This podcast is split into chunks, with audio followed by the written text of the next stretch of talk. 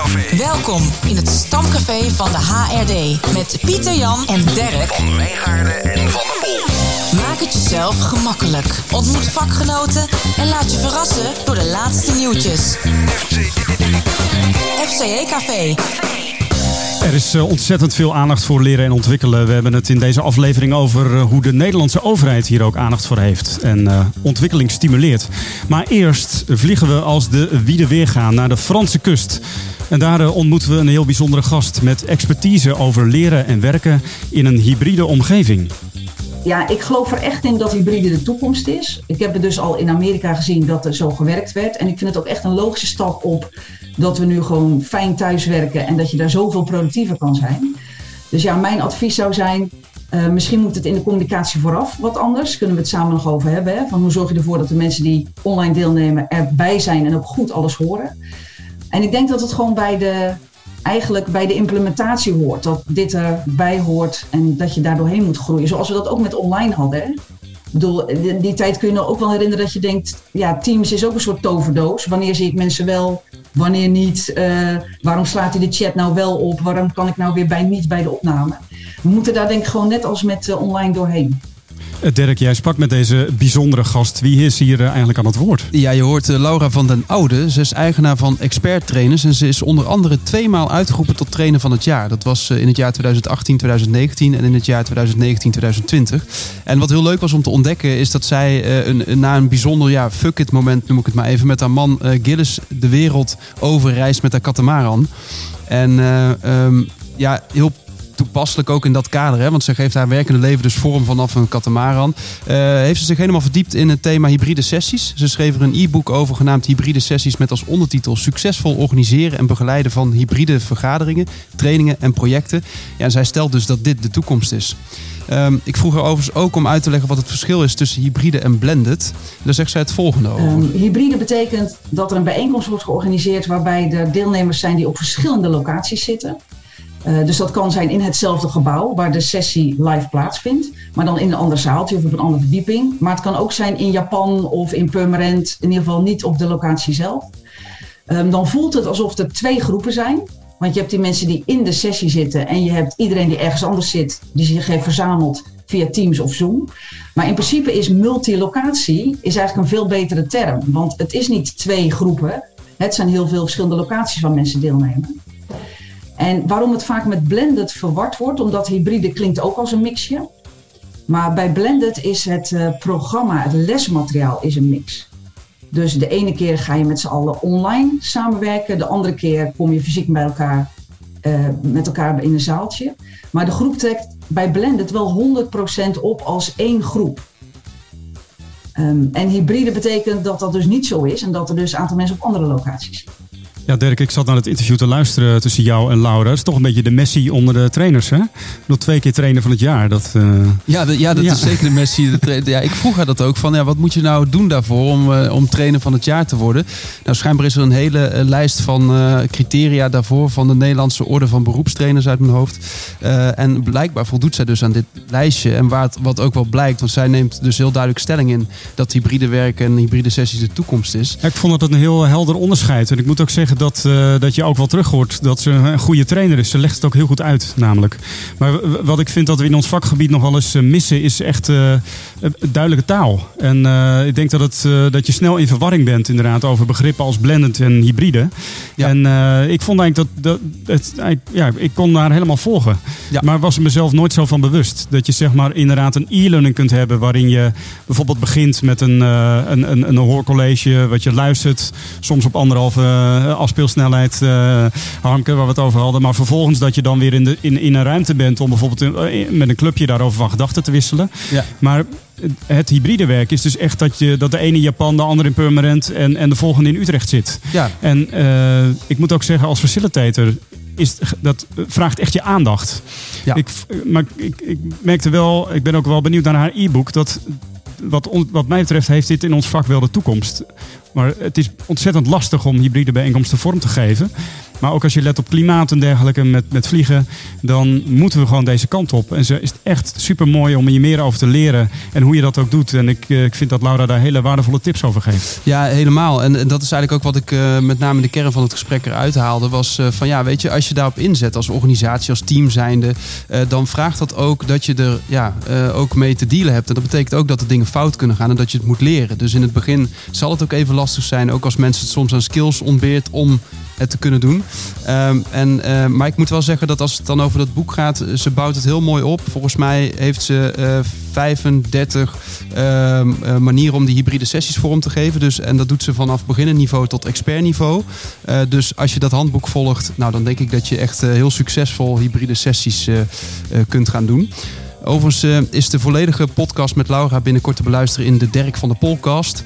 Eh, en wil je het boek bestellen, dat kan via eh, experttrainers.nl slash i-boek-hybride-sessies. We zetten de link ook nog even in de show notes. En, nou, Dat is wel dan- nodig, ja. Ja, dat is wel nodig. Ja. En zodat je het boek kunt bestellen. Ehm, dus zo. Het was een leuk gesprek. Echt van genoten.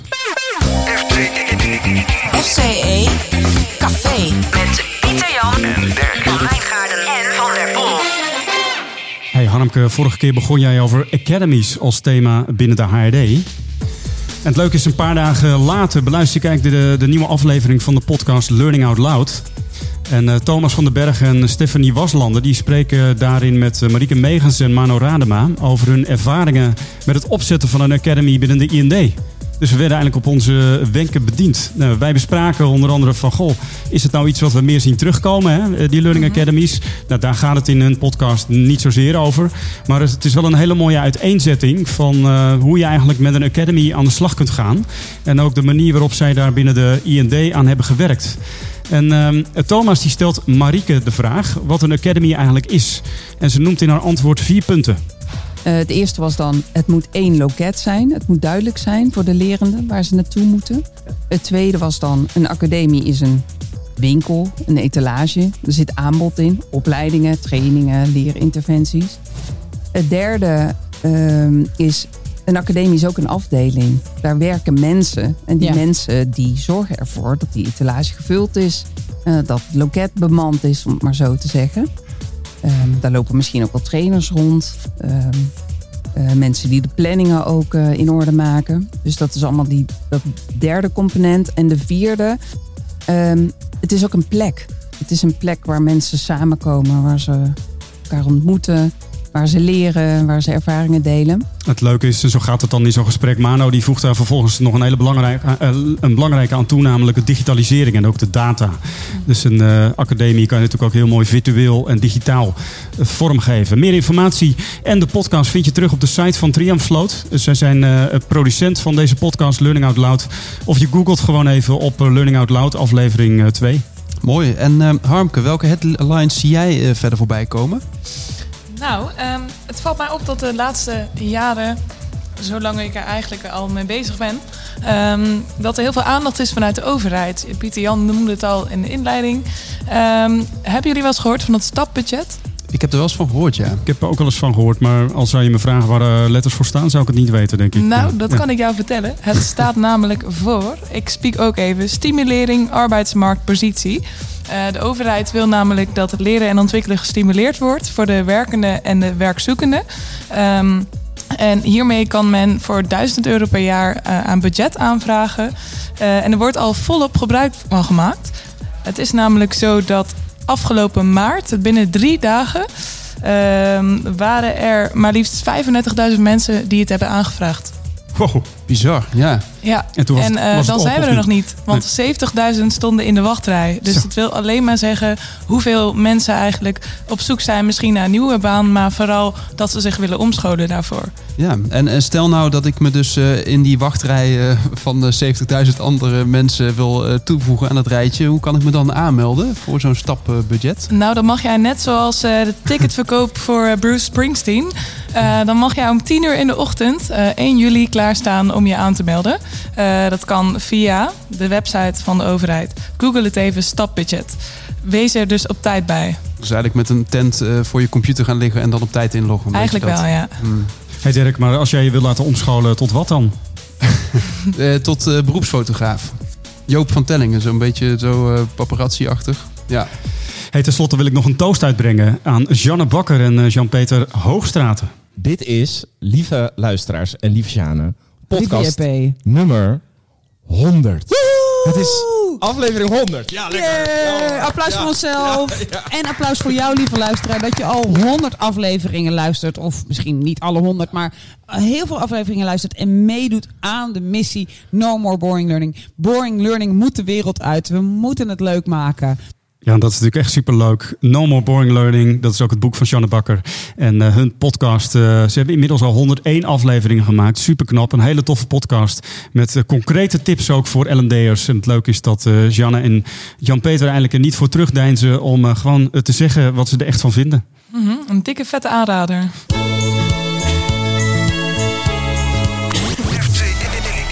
FCE Met Pieter Jan En Dirk van Wijngaarden en van de Pol.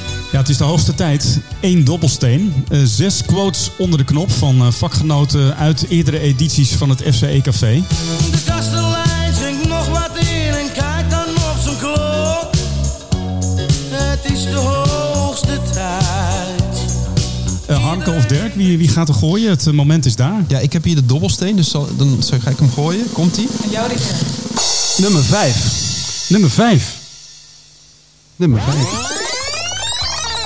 Wat bedoel je dan? Zelfs al zou je zeggen, ehm, ik wil dat mensen zich beter voelen.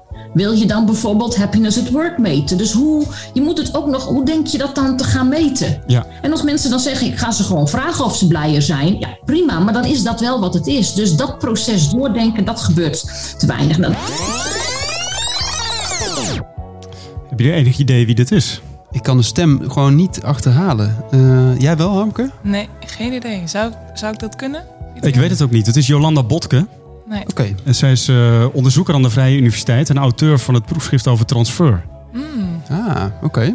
En eh, het was het leuke ook in jouw interview met Laura van der Oude komt het, eh, het begrip transfer ook terug. Ja. En ehm, eh, zij heeft daar echt eh, ja, flink werk van gemaakt. Ik heb haar geïnterviewd eh, in de eerste podcast van het eh, tweede seizoen, nummer 11 eh, in totaal zeg maar, van de FCE Café. En eh, dat was de, ongeveer de dag eh, zo'n beetje voordat zij promoveerde. En eh, het is een heel leuk gesprek waarin ze ook een aantal concrete tips geeft en ook haar model eh, toelicht en uitlicht eh, hoe je zeg maar eh, eh, ook als eh, ontwerper van, eh, van leeractiviteiten oog kunt hebben voor transfer. Ze heeft er ook echt een hele specifieke kijk op. Tof. Leuk dat je luisterde naar het FCE Café en binnenkort zijn we er weer. Ja, nog een save the date voordat we afsluiten. Eh, vrijdag 14 oktober, dan eh, organiseren we vanuit de FCE een nieuw festival. Waarin de thema's impactonderzoek en innovatie eh, bij elkaar komen.